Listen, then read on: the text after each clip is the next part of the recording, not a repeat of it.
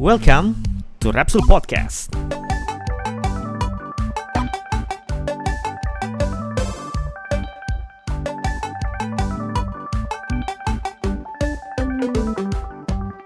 Ya udah, sekarang kita ngomongin dari game China merajalela kata Rizky. Menurut Rizky itu. Hmm. Oh bukan itu tuh temanya bukan itu tuh. iya lah itulah. Tapi kan belakangan ini kayak tadi ada uh, Flicktai yang nanya katanya ya, uh, bahwa apakah Genshin Impact ini bakal jadi satu barometer game multiplayer baru dan segala macem lah. Karena memang bisa dibilang kan semenjak si uh, aduh gue lupa sih apa namanya perusahaan besar dari Cina tuh Tencent Tencent. Tencent. Uh, uh, beli-beli ini beli-beli itu terus juga uh, ya PUBG Tencent juga kan. Jadi emang kayak udah mulai menggila dan kemarin juga gue sempat uh, ngasih beberapa impresi game-game yang emang datangnya dari China. Dan ada ada game juga yang pengen gue kerjain uh, reviewnya. Dan ini gamenya itu bukan dari Cina tapi dia bener-bener pengen looks like game dari Cina padahal dia developernya bukan developer dari Cina Kenapa kenapa kenapa dia pengen looks like developer Cina? Nah makanya itu yang menarik gitu menurut gua. Karena mungkin menurut dia salah satunya sekarang tuh eh, apa pun yang ada hubungannya sama Cina tuh lagi oke kali nggak tahu juga ya. Tapi menurut lu pada gimana dah? Coba. Ada data Data ya. nih. Ada dulu data. nih, dulu. Hmm. Sebentar. Wah, udah tua banget tarik bang, tarik jauh. Matanya plus, pakai plus anjing tariknya begini, kan udah kayak mau ngeker, nggak bisa tuh pakai sniper nggak bisa udah itu. Sebentar orang lagi nyari. Pakai sniper kan harusnya dekat gini dia gak jauh gini. Iya, pas mau nge-sniper gini. Tarik. Pala musuhnya segede gini, kecil banget. Itu kalau kata Hitan apaan tuh? Anjir profesional banget anjing. Baru lihat gue sniper nembaknya kayak gini katanya. Oke, Aduh. Hmm. Apa nih? nah, di data yang gue pegang guys ya. Iya. Jadi Hmm. dibilang bahwa Nah, di sini disebut China is the largest and most important market for PC online game. Satu. Itu satu. Yang kedua, Hmm. PC and mobile games revenue in China was 33,1 billion dollar di tahun 2019. Projected dia akan kemungkinan itu di tahun 2024 senilai 46,7 billion. Nah, ini yang menurut gue menarik yang ini nih, yang ketiga. Apa tuh? Cina punya 685 juta gamers di tahun 2019. Hmm. 685 juta. Kuaci aja kalau segitu banyak rumah penuh. Kebayang kalau orang 685 juta. Ya, Iya. Gue Yang- suka mikir kadang-kadang kalau orangnya sebanyak itu septic tanknya gimana ya Dan nih? Maksud gue kan tanahnya luas tampol nih ya.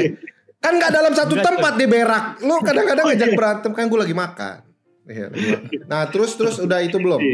Nah, cuman cuman ditulis di situ bahwa eh, tadi mana ya? Bentar, bentar. Hmm, dia hilang lagi ya Allah Ki. Tua banget temen lu Ki. Ya ma- mohon maaf cuy, mohon maaf ya. Iya gak apa-apa apa-apa. Kenapa ada foto anak gue di sini? ya gak apa-apa daripada ada foto anak lu lebih aneh lagi anjing. Nah, dia. ya udah bener foto anak lu di situ. Masa ya foto anaknya Rizky gimana sih lu? Tapi enggak, tiba-tiba. Kok ada fotonya Pram di sini katanya. Kok ada fotonya anaknya si Pram itu kan itu baru aneh. Kalau ada foto anak lu mah wajar gimana sih? Oh iya betul juga ya. Tapi kemarin tuh ada datanya, tapi kemarin datanya gue bilang bahwa yang paling banyak ya jumlahnya adalah tapi bukan pemain PC tapi pemain mobile gamers. Hmm. Pem- Pemain mobile gaming gitu. Jadi pemain mobile gaming yang paling banyak di Cina gitu. Jadi menurut gua jadi hal yang menarik sekali kalau kita ngomongin soal game di China itu karena dia punya market sendiri yang bisa membuat mereka pada saat ngebuat bertahan tanpa harus ngomongin ke luar negeri. Hmm. 685 juta yang mainin gitu. Istilahnya yang pemain aktif. Anggaplah mereka terbagi dari beberapa orang yang suka mainnya game-game uh, seperti Candy Crush atau mencari Hmm. kucing Anda di mana gitu kan, ataupun Hmm. game-game yang lain gitu. Tapi Iya. 685 juta itu kalau dibagi-bagi kan tetap banyak gitu loh maksud gue. Makanya menjadi sangat menarik sekali dan gue berpikir bahwa kayak pas lagi dulu gue lihat kayak oh kenapa ya game game Cina kan eh, selama ini kan kayak second rate lah buat kita gitu ya. Iya. Dari segi grafis yang kelihatannya, oh udah mulai mulus tapi dipaksa mulus ngerti nggak lo sih? Video Ngerti, ngerti, ngerti. grafisnya gitu kayak model dipaksa mulus dan segala macam. Tapi ternyata menurut gua karena mereka melihat peluang itu sih. Jadi kalau Hmm. kita ngomongin pasar market misalkan Cina masuk ke Indonesia gitu. Ya pasar market Hmm. aktif kita berapa ya kalau dibandingin Cina. Jadi dia kayak buat dirinya sendiri aja tuh kayaknya bisa survive.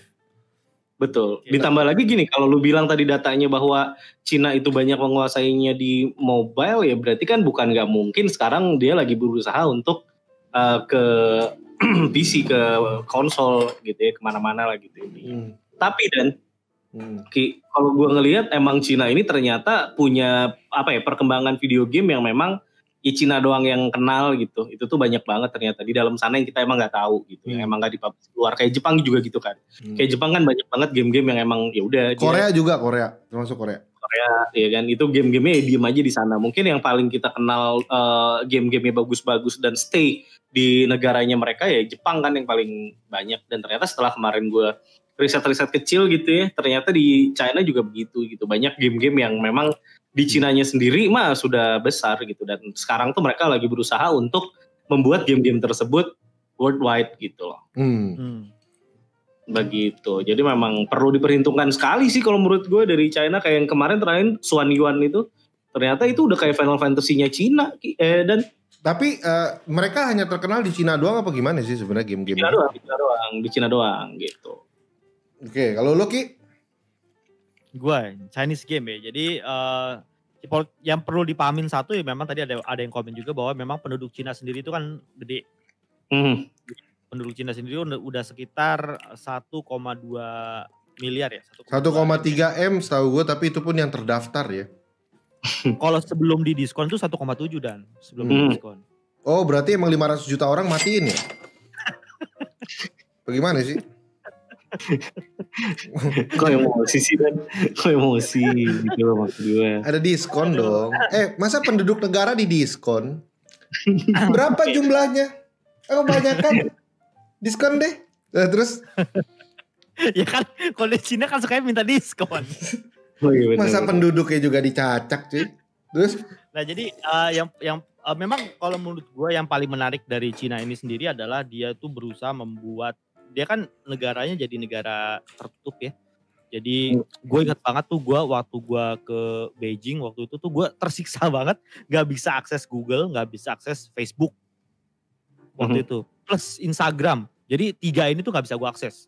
betul Terus gue terus gue berpikir negara apa ya maksud gue negara negara sehat macam mana yang berani ngebuk tiga ini gitu. nggak ada selain Cina, hmm. Hmm. nggak ada selain Cina gitu. Nah termasuk dia bagaimana dia juga mendevelop eh, gamenya itu sendiri. Nah memang kalau lo lihat ya eh, ada beberapa bahkan eh, banyak banget game yang memang di, di develop dan dipasarkan hanya untuk market Cina. Dan eh, kalau gue baca juga di eh, koran apa ya lampu merah, apa lampu hijau kemarin itu bahwa Cina itu sekarang sudah memiliki eh, perusahaan developer game itu eh, banyak banget gitu. Dari yang mulai kecil sampai yang gede kayak model Tencent, NetEase itu udah udah banyak. Bahkan Tencent dan NetEase itu sudah termasuk perusahaan game lima besar di dunia. Jadi Sony yang Hmm. eh yang revenue itu paling gede ya. Jadi pertama Sony, kedua Tencent, ketiga Nintendo, keempat itu NetEase, kelima baru Microsoft. Ya jadi itu lima besarnya itu. Nah jadi Hmm. maksud gua nggak bukan yang hal yang aneh kalau misalnya the next step dari Tencent atau NetEase ya. Gua ngomongin Tencent atau NetEase karena menurut gua ya, kedua itu yang paling possible kalau dia ingin melebarkan sayapnya ke eh, konsol gaming Hmm. ke konsol gaming. Nah, jadi yang eh, yang perlu diperhatikan juga si Cina ini juga mendevelop gamenya mostly adalah game-game MMORPG Ya. Oke. Game-game gacha lah. Dan- dan bagaimana me- mereka mentreat sebuah game itu beda. Jadi mereka tuh mentreat itu ibarat game itu kayak sapi perah. Mhm. Nah, jadi kalau game eh, konsol-konsol kayak misalnya PlayStation kayak Nintendo sekarang tuh lebih fokus dia kepada perluasan konten. Mhm. Nah, kalau si Cina itu kebalikannya. Cina itu lebih eh, lebih eh, jadi dia mengikat marketnya tuh bukan memperbaiki konten, tapi membuat konten yang sifatnya menagih duit, gacha, makanya gacha, gacha, gacha. Jadi kalau lo lihat eh, game-game Cina banyakan gacha karena itulah eh, sekarang yang dirasa sama game developer Cina paling ampuh untuk meretain eh, user gamer. Hmm. Ya Yes. di Cina, di Cina ya. Kita nggak Iya. ngomong di luar nih. Di Cina aja Hmm. dulu. Itu adalah dengan itu. Kenapa? Karena itu yang paling gampang. Jadi mereka tuh nggak perlu ngedevelop banyak. Mereka misalnya kayak gini deh, eh, contoh ya kayak let's say Genshin Impact gitu misalnya atau yang dulu pernah gue alamin kayak Honkai Impact gitu. Daripada gue bikin kayak satu map baru, area baru, cerita baru, gue bikin aja toko baru Iya, iya. Iya, iya. toko baru toko baru nih gue gue rilis habis itu eh, toko baru ini punya cerita satu chapter nih gue rilis terus toko yang lama nih eh, yang yang ibaratnya kalau kayak di Genshin Impact tuh yang bintang bintang 5 deh lo gacha sekarang yang dulu bintang 5 sekarang bisa lo ga, lo dapetin dengan mudah gitu. Iya. Nah, jadi mereka ngeritennya ngeritennya tuh begitu terus diputer terus. Nah, Oke. itu Treatment mereka terbukti- terhadap game-game itu begitu ya? Itu terbukti efektif dan sekarang itu eh, Cina itu kalau lo mau eh, apa namanya kalau lo mau mapping itu benar-benar eh, semua umur di Cina dari yang muda sampai yang tua makanya tadi ada sekitar 600 jutaan orang itu gamers karena dari tua sampai muda semuanya main game. Hmm. semuanya main game gak ada yang nggak main game. Jadi eh ini kalau gue baca nih gue baca di lampu hijau nih lo bisa lihat ke lampuhijau.com ya jadi ada Lampu temaram Lampu nanti lama-lama koran lampu temaram. Ntar lu, ntar lu, lampuhijau.com. Saudaranya lampu merah ya Ki. Berarti Ki. Kan emang itu kan Jadi- ada lampu merah, lampu Jadi hijau sama lampu lampu merah kuning. kan masih agak ditahan nih. Kalau lampu hijau lebih bablas gitu ya. Iya, bablas. Ini sekarang kalau 18 sampai 24 tahun itu eh, memegang 17,82 persen, 25 sampai 34 itu 36,63 persen, 35 sampai dengan 44 tahun itu 24,75 persen, 45 sampai 54 itu 17,82 persen. Masih ada ya. Itu yang main Candy 55 Crush tuh, 64 yang itu yang main masih main megang 3 persen. main game-game Candy Crush, Candy Crush tuh. Yang Oh iya, kayak iya. iya. Ambil Lu- selonjoran gitu dan ya. Yang yang Kalau di Indonesia orang ya umur 55 udah baca koran, ya, udah baca Iya. koran. Habis itu Iya. habis sub- habis sholat subuh Sharing-sharing berita hoax. iya, berita. Ini berita apa nih disebarin via WA padahal dia nggak tahu berita apa salah ya kan. Hmm. Kalau di kalau di Cina, wow main Oh. game cuy pagi. Online. Habis sholat subuh nih. Habis sholat subuh langsung gacha, gacha. Mhm. Gitu. Eh tadi ada yang nanya Mihoyo Cina bukan? Wah ya sangat Cina sekali. Sangat saya. Sebelum itu kita akan bacain dulu ini ada Ismi Having Fun, welcome to Satan ya. Yes, Terima kasih halo. yang sudah memperpanjang berarti Om. Dari eh, mana nih? Ye nggak ketinggalan ada yang bilang gue tarik dulu ke atas nih. Hey baca 100 ribu. Apa nih? Kenapa anda tuh suka jangan di spam? Kita nanti kita pasti baca pelan-pelan. Di Saweria kita baca bertahap karena supaya eh, tidak rusak eh, pola eh, pembahasannya ya. Mari kita baca. Yes. Iya betul sekali. Dari pecinta janda kembang ya. Bang saya lagi cari istri ada yang berminat? Ada. Ada. Betina. Banyak. Ada, ada betina banyak. Betina. Betina. Hmm. Toyor dari Toyor ya. Buat beli PMP Bang Habib. Wah terima kasih. Pakai M ya. Ya nggak gitu. Iya iya. PMP ya betul. Dari Masako Hmm. bumbu hitam bang game Cina itu garang loh. Selain Genshin Impact aja ada game Wukong dan Bright Memory yang developernya satu orang. Iya. Halo guys gitu dari kirim kirim dukungan ke Dani Jidat. Wah terima kasih. Oh, iya. Bung Dimas. Terima kasih. TV tabung, game Cina saya harap sih mikrotransaksi lebih dimasuk akalin. Banyak nggak PP tapi takutnya ntar nyebak ngerus- eh, nyebar ngerusak yang lain ya. Sudah sudah sudah nyebar sih, Pak. Udah. Apa yang Kemudian mereka kalau masalah rusak Yang- atau tidak sih? yang diceritakan Rizky itu yang terjadi di Cina dan Anda sudah bisa lihat itu tidak hanya di Cina saja, developer bukan Cina doang yang sudah melakukan hal yang dikatakan oleh Rizky tadi gitu loh. Gitu. Jadi sebenarnya sudah menyebar ke mana-mana ya. Ntar Udah kita kita baca komen dari sebelah kanan nih. Game Hmm. Cina merajalele. Ya. Toram online MMORPG Jepang paling bagus menurut gue. Iya, ya dulu tuh. Iya ya dia kan kita nggak pernah main kan, kita nggak ngerti bahasa Jepang juga kan. Ya, Hmm. lampu mati juga kan ada Bang Rizky. Emang ada lampu, emang ada koran lampu mati. Dari Henel Bang Senmu. Bang Senmu itu game Cina bukan? Bukan. Bu, masa Bukan. Sen, Pang dong. ya Settingnya di Hong Kong iya. Tapi bukan berarti ya Iya. gitu. Bang, oh, Genshin Impact masuk police station nggak? Enggak, masuk lemari, Bro. Masuk lemari ada, masuk lemari. Game Cina 10 in 1, sangat eh jangan-jangan ya yang membuat lo tau kan kalau lo beli police station dapat 3 juta Iya. in 1, Iya iya iya. 3 juta in 1 loh. Eh, gue tuh kemarin video video video apa bukan video, pas gue bikin video itu 100 ribu in 1, Bro. Coba lo Isinya bayangin. cuma isinya cuma di repeat ya, di repeat lagi di repeat. Isinya cuma 8 apa 10 sisanya di repeat. Itu Marionya jadi Pokemon. Ya kan? Hmm. Pokoknya dirubah-rubah. Itu kan yang berarti kayak kemungkinan yang kayak gitu kan Cina kan yang ngebuat kayak gitu kan.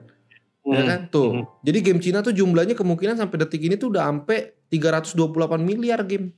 Lah orang satu Hmm. konsol aja 100 ribu game gitu loh. Ya? Itu dia. Bang itu kenapa Bang Rizky jadi burik? Enggak itu juga saya bingung. Iya, kayak, padahal lu enggak edit ya. Jadi jangan sampai menyalahkan gue punya internet ya. Kalau gue sih burik Am- sih. Enggak enggak, lo aman kok mukanya. Emang Iya emang muka gue aman sih. eh, iya, emang mozaik aja kali mungkin. Iya, oh, iya, iya. Pak Bang, perlu didefinisikan dulu game Cina itu seperti apa? Dari uh, Alifi Yuli ya.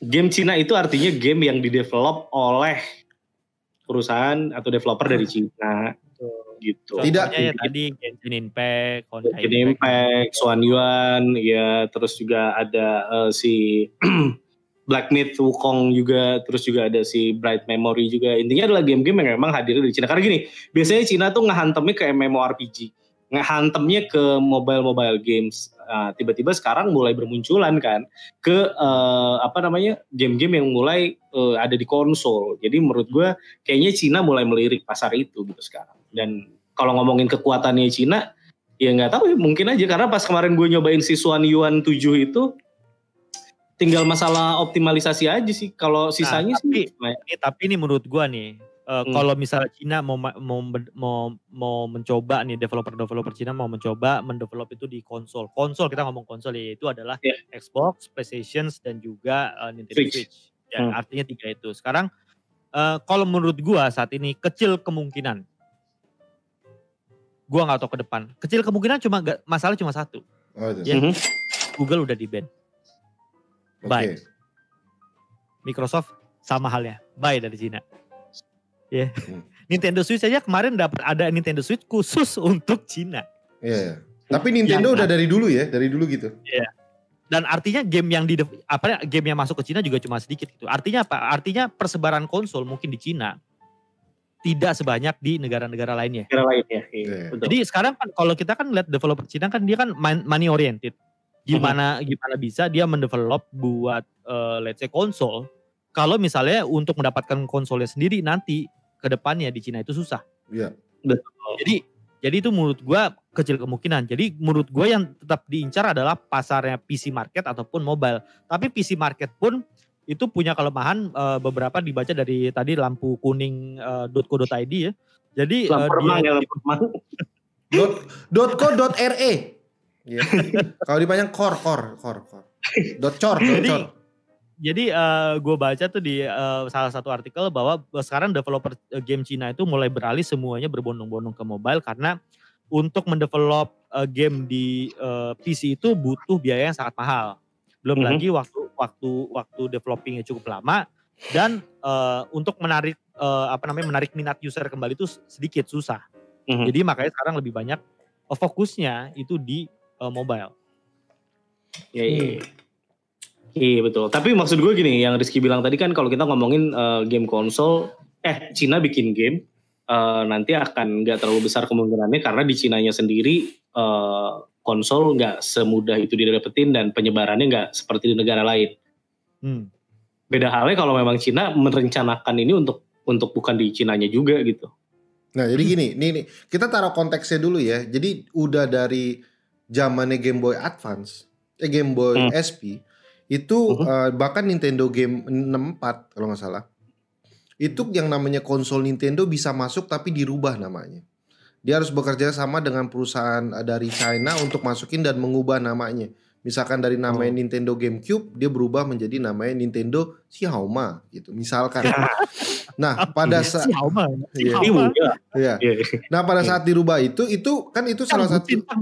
Tapi gue nggak tahu karena dulu kan yang namanya gamer di itu berbeda dengan sekarang. Gue malah jadi menaruh konteksnya dengannya kayak susahnya masuk Nintendo. Yang sekarang Nintendo Switch juga hanya cartridge-nya sendiri bisa hanya dimainin untuk negaranya sendiri doang dan segala macam restricted yang digunakan oleh si Cina ini. Dan Hmm. kalau kita lihat kayak Microsoft keluar dan segala macam keluar semua ini. Cuman kalau kita lihat game-game yang dilakukan oleh Cina Pertama, lo lihat deh berapa banyak aset game yang udah kita lihat yang udah pernah rilis dan sekarang lo Mhm. lihat familiar di game-game Cina.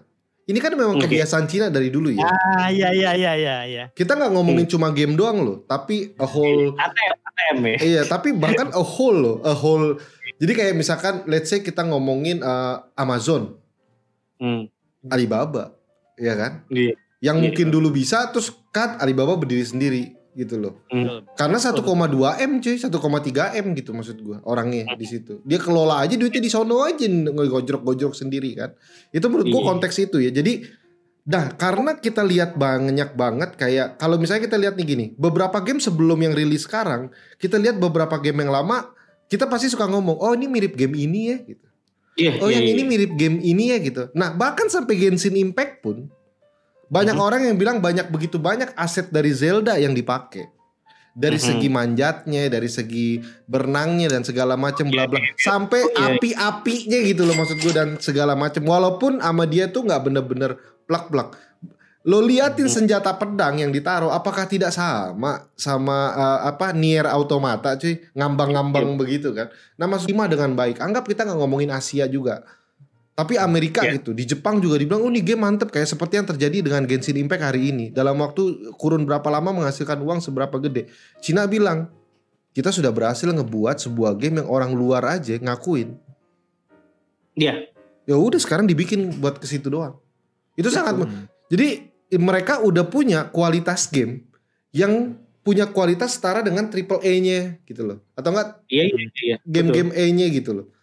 Mhm. Kan kalau selama ini kita lihat bahwa kayak aduh kok gamenya gini ya. Ah, ini ngebosenin nih gitu. Tapi lama-lama berkembang terus. Jadi yang gue lihat sekarang itu adalah lebih kayak Cina mencoba untuk nyari keluar tapi kayaknya targetnya bukan keluar gitu. Targetnya tuh memang buat pasarnya mereka sendiri. Ini bagian bagian dari sorry to say kita selalu lihat dari segala sisi lini yang berada di Cina. Kalau kita ngomongin mau dari segi agrikultur kayak mau dari segi apaan kayak dari segi mesin apa teknologi, mereka tuh kayak mau ngasih unjuk bahwa gue tuh bisa lakukan yang seperti lo lakukan, even better, Betul. even faster, even gitu loh. Nah ini yang sebenarnya lagi dilakukan Cina tapi dalam bidang eh, gamenya sih menurut gue. Nah apa yang terjadi dengan Genshin Impact, ada Wukong nanti yang mau keluar, terus habis itu ada lagi yang legenda apa kali nanti mau keluar gitu ya, game-game selanjutnya ya. Itu adalah bentuk bagaimana Cina, bentuk bagaimana tuh Cina ngasih tahu bahwa nggak cuman Eropa, nggak cuman Amerika, nggak cuman eh, Jepang gitu loh. Gue sekarang Mhm. masuk contender yang harus kalian takutin. Bahkan keuangan gue mungkin lebih mengerikan dari kalian semua.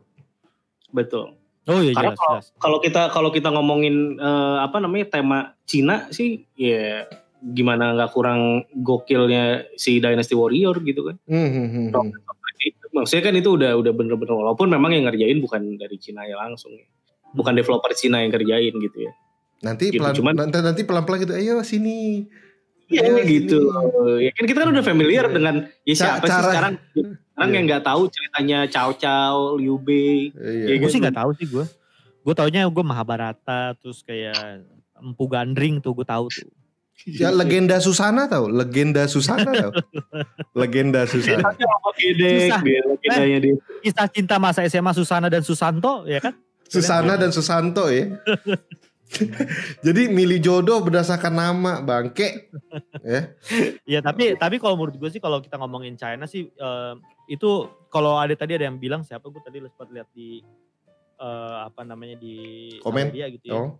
Di, di Sawedia bilang "Ap- apakah mungkin kalau Te- Tencent itu eh, membuat konsol sendiri nantinya untuk dipasarkan keluar. Loh sebetulnya gini, sebetulnya eh, kayak Spica terus kayak apa dan dulu dan yang model-model itu kan juga sebetulnya itu buatan Taiwan gitu, buatan Taiwan yang nggak karena nggak masuk konsolnya nggak masuk akhirnya dia bikin sendiri gitu. Hmm, hmm, akhirnya mereka bikin sendiri kasetnya pun dibajak gitu ya maksud gue. Tapi zaman dulu kan masih masih agak sedikit lenggang nggak kayak sekarang gitu. Cuma intinya eh, apalagi sekarang perusahaan sebesar Tencent dan NetEase gitu ya kalau dia mau mah mau. Cuma balik lagi pada dasarnya perusahaan developer game di di Cina itu adalah cuan patokannya cuan Hmm. dan konsol itu tidak cuan Mhm. pertama satu lo harus nge-develop R&D sendiri lo harus bikin lah ya lo, maksud gue lo tuh baru mulai di saat semua yang lain tuh udah stabil kayak eh, PlayStation udah stabil, Iya, udah iya, stabil, iya, Xbox udah stabil gitu. Jadi lo mulai dari nol lo buang buang-buang duit buat R&D terus ujung-ujungnya lo bikin gamenya belum tentu developer juga mau bikin game buat konsol lo. Wah jauh sih jauh sih. Itu lobbynya bakal lama. Nah, sekarang kan Jauh. yang dilakukan adalah sekarang Cina lo tahu sendiri sekarang HP Cina di mana-mana. Oppo, Vivo, apa pun Xiaomi Xiaomi, Xiaomi. Hmm. ya kan Xiaomi dan Xiaomi semua ya semua- kan? semuanya di- bahkan di Cina ada beberapa merek yang mungkin belum masuk lagi di Indonesia gitu ya yang Hmm. punya spek udah bisa melakukan uh, Genshin Impact tanpa panas gitu misalnya tanpa panas HP-nya gitu. Mainnya di Hmm. ini di, di dalam air laut cuy, di dalam air laut men. Ya. Kedalaman di 3000 meter. Air payau, air payau. air payau. Mana di freezer, mana di freezer. Nah jadi menurut gua kalau misalnya Tencent uh, berani ngebakar dulu sih mungkin. Tapi gua rasa Hmm. kecil kemungkinan Tencent ataupun Netis bakal bikin konsol sendiri. Mereka kan lebih fokus Ya. balik lagi ke mobile game karena uh, medianya udah ada. Dia tinggal Hmm. fokus nge-develop gamenya dan narikin duit dari para gamer-gamer itu. Dan sekali lagi loh, ini lo bayangin aja umur produktif orang Cina semuanya masih main game. Hmm. Cina eh, umur yang gue bilang umur produktif tuh gini, beda sama Indonesia. Di Cina itu orang umur 14 15 udah kerja sambilan. Ya. Mereka tuh udah menghasilkan duit sendiri umur 14 15. Kalau di sini kan kita 14 15 masih nyusahin orang tua, minta duit, ya kan? Nilep SPP, ya kan? Nah, Hmm. itu kan banyak kejadian di sini. Hmm. Ya kan? Nah, Kalau Di, nilep SPP Kalau di- dibilang dipalak. dibilang dipalak katanya habis buat main rental, ya kan? Iya. Jadi kalau kita ngomongin umur produktif tuh artinya yang tadi gue sebutin di awal itu semuanya umur produktif, semuanya bisa ngeluarin duit buat Hmm. apa? Buat beli diamond buat ngegaca, cuy. tapi Jadi lu bayangin keuntungan yang didapat gitu. loh. tapi menarik banget bahasan dari Rizky ya. Kalau menurut gua ketika kita ngomongin konsol yang berada di Cina, kunci dari sebuah konsol adalah listrik. Enggak, enggak, enggak. Tapi kunci dari konsol. Gue udah dengerin banget lagi anjir. kunci dari kunci dari kesuksesan sebuah konsol adalah gamenya. Iya. Iya dong. Iya, iya. Ya, Nintendo jangan dengan enggak beneran nih Iya. beneran nih beneran. Hidungku tuh kenapa ya? Aduh gatel banget ya. Nah. Kunci dari sebuah konsol berhasil atau enggak itu tergantung dari game-game yang dipersembahkan konsol tersebut. Hmm. China selama ini tidak akan pernah bisa ngebuat konsol dan berhasil karena mereka nggak punya game-game yang menarik. Siapa yang mau Hmm. beli konsol itu? Kalau game-game Anda aja saya tidak mau lihat. Siapa yang mau mainin Mario? Udah gambarnya nggak jelas, warnanya juga nggak bagus. Tadi ganti Pokemon. Jelas Hmm. kami tidak mau. Nggak itu ya, itu kan jelas kami tidak mau. Udah ya. Tapi Pikachu lompat-lompat. tapi kalau misalkan nanti mereka berhasil mendevelop dan cukup banyak developer uh, dari Cina yang menghasilkan beberapa game yang bagus-bagus, tidak memung tidak tidak mustahil bahwa Menutup, Cina akhirnya bilang, gue buat konsol bekerja sama dengan perusahaan-perusahaan yang ada di Cina. Kalau kalian mau mainin game ini hanya bisa di konsol ini doang. Hmm. Bisa Bisa, jadi saja. tuh bikin aliansi kan. Bisa saja, Iya kan? bisa saja. Walaupun konsol kayaknya ke masa depan tuh kayak mobile lebih lebih masuk akal gitu. Kalau Cina Hmm. menguasai itu dibandingkan konsol. Aliansi developer gamer Cina United ya kan. Gacho Cuan. Aliansi apa tadi? Coba gue mau tahu. Terserah dia aja. Eh, Capek, capek gue lama-lama. Penggabungan developer game dari Cina Selatan, Utara, Kiri dan Kanan. Batako keras. Duh, singkatan. Bodoh amat. Terserah lo, lo mau jadi kayak apa? Bodoh amat. Tapi menurut gue jadi masuk akal ya, jadi masuk akal. Nah tapi sebelum kita lanjut nih kita coba baca dulu nih komen banyak juga di tadi ya. Hmm. Gak eh, di Cina konsol yang laris itu Polystation bang, bener loh. Polystation gue rasa sampai sekarang itu bisa kejual udah 2 miliar kali. Hmm. 2 miliar Polystation bisa-bisa ya. Legenda ule nih dari su apa namanya mungkin Cina pinter karena kalau ada produk yang mau masuk ya lo harus bayar dengan bikin pabrik assemble-nya di negaranya. Hmm. Dari Ya, legenda Gayus maka mertu yo kenapa ada legenda Gayus bapak? Iya kan? Oh ini apa nih pakai bahasa Inggris? Do you have the Hmm. time to listen to me one? Itu lagu tampol. Ya itu lagu. Gue sangka dia ngomong apa pakai bahasa Inggris. Do ya you have a time? Iya. Ya, saya suka mendengar suara Lisa Genshin Impact rusak. Cewek Cina bening-bening, Bang. Ya, sebagai negara yang punya kulit terbaik di dunia ya, kami tidak bisa komentar apa pun. ya kan?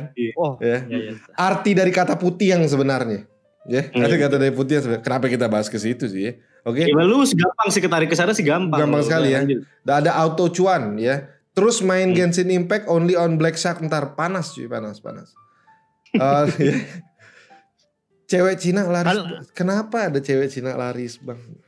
Ya, Andika 12 lu harus di Rukiah sih iya, gue. Anda tuh rusak. Lagi ya. bahas game Cina, bahas developer, komen lu cewek Cina laris bang. Tuh, Iya.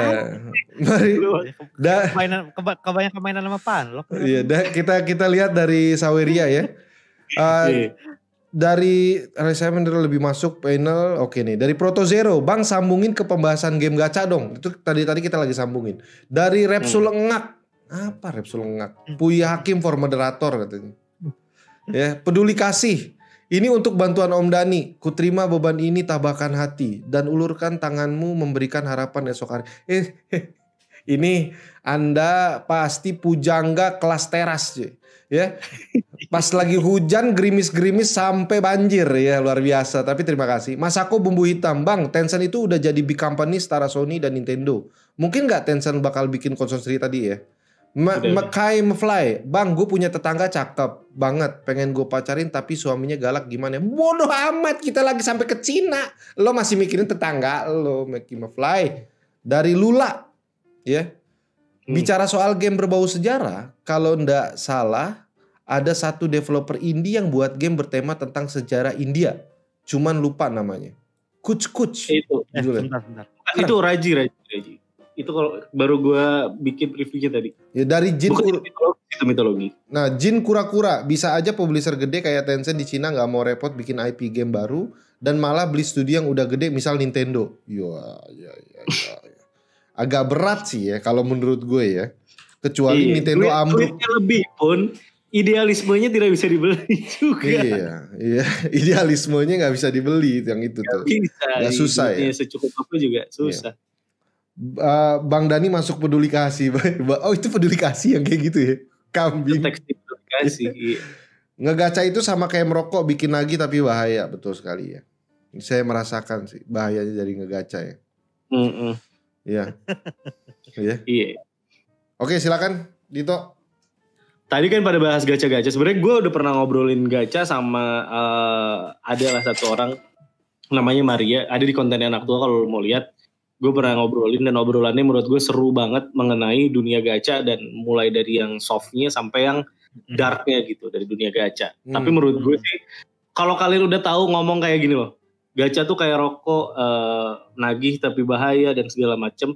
Balik-balik lagi apa pun itu mau senyalahin apa pun lu sama developer atau eh, publisher yang bikin game gacha. Iya sebenarnya lu menurut gue kontrol lu gitu loh. Ya Karena bukti- di sini buktinya it works kan? It works kan?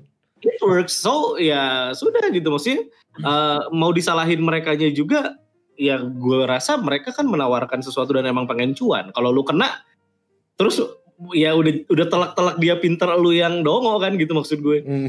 Eh, Kalau tapi, ya, emang- tapi tapi gue bingung itu gini ya maksud gue kayak ada orang eh, main Hmm. game gacha terus kayak gini, udah bahas game gacha bang, kenapa lagi? Jadi kayak lu tuh kayak pengen nyari orang yang punya perasaan sama-sama kayak lu gitu. Jadi Dan ada tuh- pembenaran nantinya. Iya, carinya ke arah pembenaran. Jadi intinya gini, gacha itu kan asal dari Jepang. Hmm. Ya, gacha itu kan asal dari Jepang di mana Jepang itu kan suka banget model suka banget pachinko kan. Dari pachinko model ke gacha yang muter-muter-muter. Iya Ya betul. nggak tahu berapa gitu ya. Jadi Mhm. terus ada yang bilang, "Bang, gacha sama judi sama nggak?" Secara sistematik sama. Terus gue bilang. "Kenapa gacha itu legal tapi judi itu ilegal?" Karena gacha itu menyertakan yang namanya adalah success rate ketika Hmm. lo ngegacha. Udah diterangin. Makanya Hmm. ketika lo harus game-game game-game gacha itu harus ada. Jadi Ya, ada tuh rate-nya 0, 0, berapa, 1, berapa, Hmm. karakter di 1, berapa. Jadi diterangin dari awal. Jadi ketika lo dapat ampas, ya lo wajar. Kan udah tahu Karena- sukses rate-nya ada gitu. Lu, lu udah tahu sukses rate berapa. Jadi ketika lo ampas, lo nggak bisa protes. Hmm. Karena sukses rate itu udah ada. Dan orang itu rata-rata males baca sukses rate. Iya. Iya kadang-kadang beberapa orang yang baru yang baru mulai gacha tuh baca baca Kok nggak dapet dapet gue gitu? Padahal success rate-nya 0,003. Jadi eh, memang eh, gua nggak tahu mungkin di di game-game eh, Chinese made game mungkin rate-nya tuh makin lama makin kecil. Tapi sekecil-kecilnya ya eh, game gacha yang per Mhm. Hmm. Nah artinya kan uh, lo udah tahu bahwa itu tuh sebetulnya secara sistematikal sama kayak judi. Jadi ketika lo melakukan gacha, lo sebetulnya melakukan judi hal yang sama. Bedanya kan lo success rate. Jadi ibarat gini, aduh ampas, oh iya success rate kecil ya sudahlah. Nah, hmm. masalahnya kan judi itu punya gini cuy. Judi itu kan sebuah sistem yang di yang dibuat oleh orang-orang yang cukup super jenius. Itu untuk hmm. membuat tuh begini. Jadi ketika orang yang kalah e, berusaha untuk mencoba lagi, hmm. orang yang menang ingin mendapatkan lebih. Hmm. Nah, kan sistematikanya dibikin begitu tuh sama iya. orang-orang super genius kan. Hmm. Nah, makanya ketika ketika lo bilang, "Aduh, gua kena game gacha nih." Ya mohon maaf. Karena sudah dibikin sistematiknya sama orang super super genius. Iya, iya. Bisa. Kecuali ini kayak genius. Ya bisa. Kata Rian Smith, percuma bang, walaupun udah baca success rate yang kecil, namanya demi mendapatkan seorang waifu yang tetap aja digas. Iya ya maksudnya kalau udah kayak gitu ya lo gak bisa protes dong. Ya, ya jangan protes jangan gitu. Gue kadang-kadang gitu. suka banyak-banyak gelombang-gelombang protes ah gacha ampas bangsat baso gitu. Maksudnya kan iya. Anda kan itu mudah tertrigger. Contoh, Lisa hmm. katanya pakai bahasa Jepang suaranya bikin geter. Anda langsung cari YouTube suara Lisa Genshin Impact. Anda tuh gampang sekali kepanggil. Maksud gue. Sampai detik ini pun Sampai detik ini pun gue aja belum dengar suara Lisa pakai bahasa Jepang. Sampai iya, detik ini loh, padahal gue main Genshin Impact terus.